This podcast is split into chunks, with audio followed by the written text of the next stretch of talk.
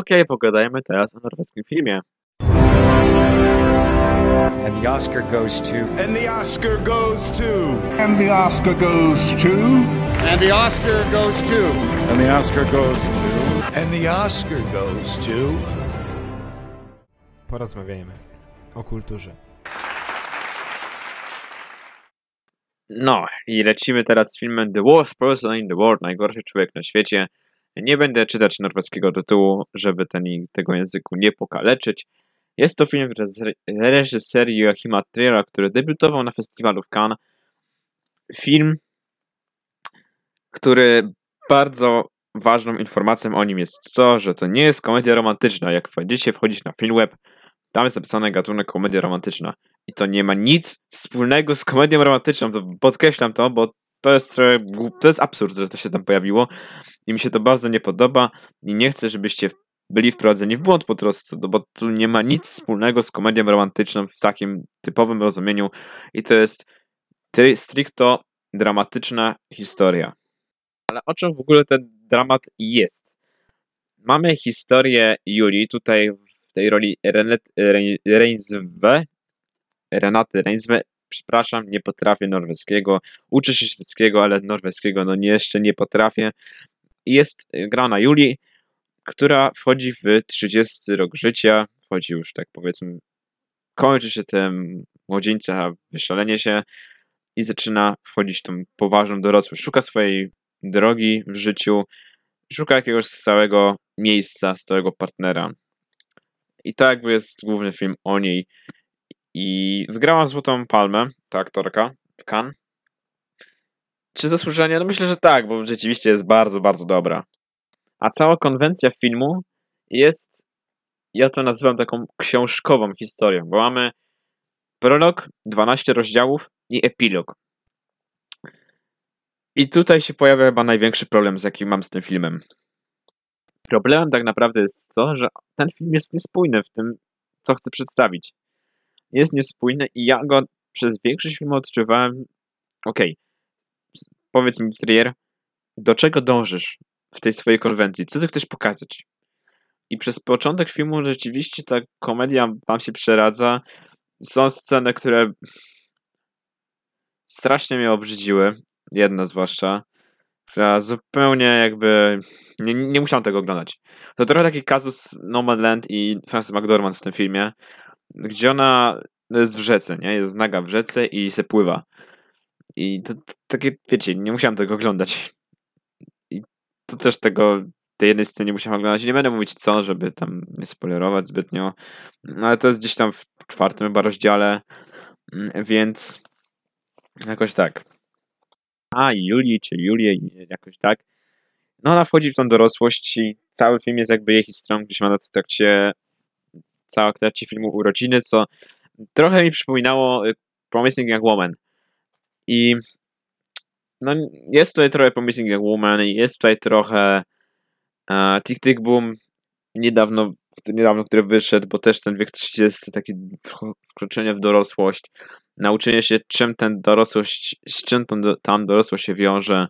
To jest pełno motywów, które z każdym kolejnym rozdziałem powoli ten dramat się buduje.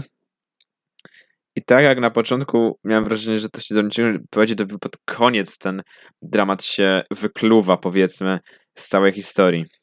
Problemem jest to, że wykluwa się bardzo szybko i bardzo na raz. W zasadzie jedno wydarzenie komplikuje całą resztę i jedno wydarzenie, taki punkt kulminacyjny, który się pojawia, który jest tak za, za przeproszeniem wrzucony z dupy. Nic zupełnie tutaj się nie dzieje i, i został tak wrzucony, a cała reszta poszła pod. No, cały taki efekt domina się pojawił, ale to wydarzenie, które się pojawiło, jest takie zupełnie nijako, zupełnie wrzucone od tak i było nagła zmiana tonu.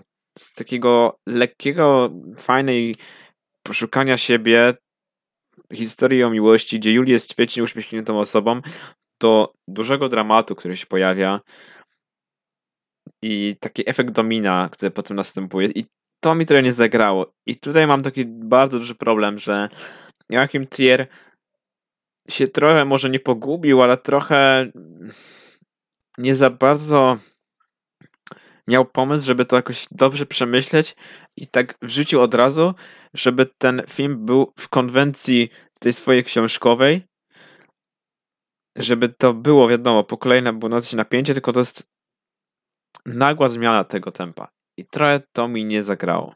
Dla mnie dużo ciekawiej by było, gdyby ten film rzeczywiście pierwszy rozdział byłby, prolog byłby luźniutki, wprowadzający nam Julii. Pierwszy rozdział też luźny i potem po kolei z każdą kolejną historią, powiedzmy, ten dramat był budowany, tylko ten dramat był budowany jednostajnie, z jedną historią, z jedną, jednym tempem, a nie tak, tak zmiana tempa bardzo szybko. Jeszcze niektóre historie są dosłownie krótkie, trwające dwie minuty albo trzy. Niektóre są dużo dłuższe, trwające z 10-15 minut. I to jest trochę takie chaos narracyjny, w którym nie za bardzo wiem, czy Trier to miał na myśli.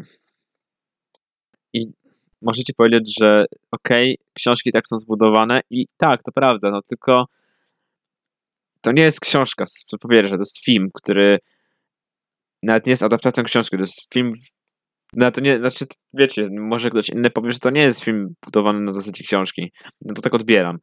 Ale no właśnie, to jest film, a nie książka. Ja bym chciał troszeczkę bardziej spójniejszą historię, bardziej jednostajną, w której te tempo jest y, powoli nad zwiększane, ten y, dramat, powoli ta dawka tego dramatu się zwiększa, jest coraz gorzej, powiedzmy dramatycznie, ale nie tak, że jest dramatycznie. Potem jest przez jedna scena gdzieś w środku filmu, gdzieś chyba piąty rozdział szósty, jest dosyć luźna, i znowu jest ten dramat. Taki bardzo mocno to tempo narracyjne jest chaotyczne i to mi nie zagrało. I z tym mam problem. Z problemem natomiast nie mam z dwójką głównych bohaterów, w zasadzie nas trójka aktorów.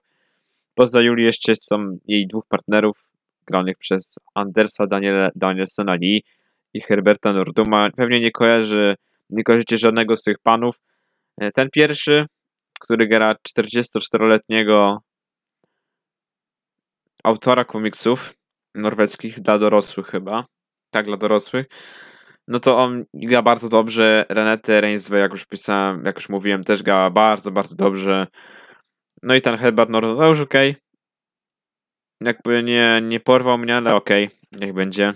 Ale cała trójka naprawdę robi ok robotę i byli bardzo dobrze na, na, ekranie. I może to też kwestia tego, że nie widziałem ich w żadnym innym filmie. I trochę pozwolili mi się wczuć w ich historię w takim sensie, że widziałem ludzi, a nie aktorów. No może to kwestia tego, że nie widziałem ich wcześniej. Cały film, który mi też przypominał historię, którą Paul Thomas Anderson nie tak dawno nam przedstawił w Licorice Pizza, gdzie również mieliśmy taką historię miłości, taką trochę dziwną. Tutaj podobnie jest, taki trochę taka miłość, wiecie, szukanie swojej ścieżki w życiu miłosnej, tak jak w Licorice Pizza też tak mieliśmy, a w tle są jakieś wydarzenia ważne, dziejące się na świecie, zmiany klimatyczne, globalizacja i przemysł w social mediach bardzo mocny i przejście na social media, mamy nawet problemy seksizmu i tak dalej.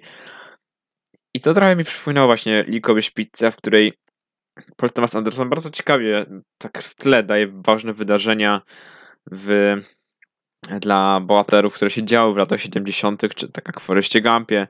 Tutaj podobnie mamy takie ważne wydarzenia, które się, może ważne wydarzenia, ważne momenty, ważne elementy, które definiują w pewnym sensie nasze życie współczesne i były to bardzo ciekawe elementy i fajnie, że takie coś się pojawiło. Dodało to jakiegoś kolorytu filmowi, czy były to potrzebne? Nie wiem. Fajnie, że były, ale to takie wiecie, te trochę w elemencie zapychacza.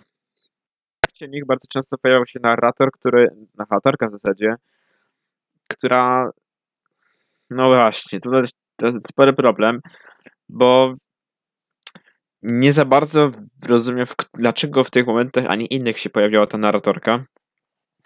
Która jeszcze mówiła prawie wszystko, to prawie to samo, co bohaterzy nasi, tak w tle gdzieś tam można było usłyszeć, co mówią.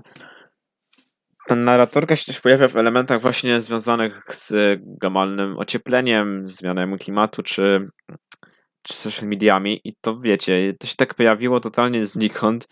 Pojawia się tak dla mnie bez ładu, bez składu to się pojawiło nie za bardzo wiem po co i równie dobrze mogliby to wyrzucić i na to, no w sensie wyrzucić narratorkę, nie, bo te sceny jakoś tam były ok.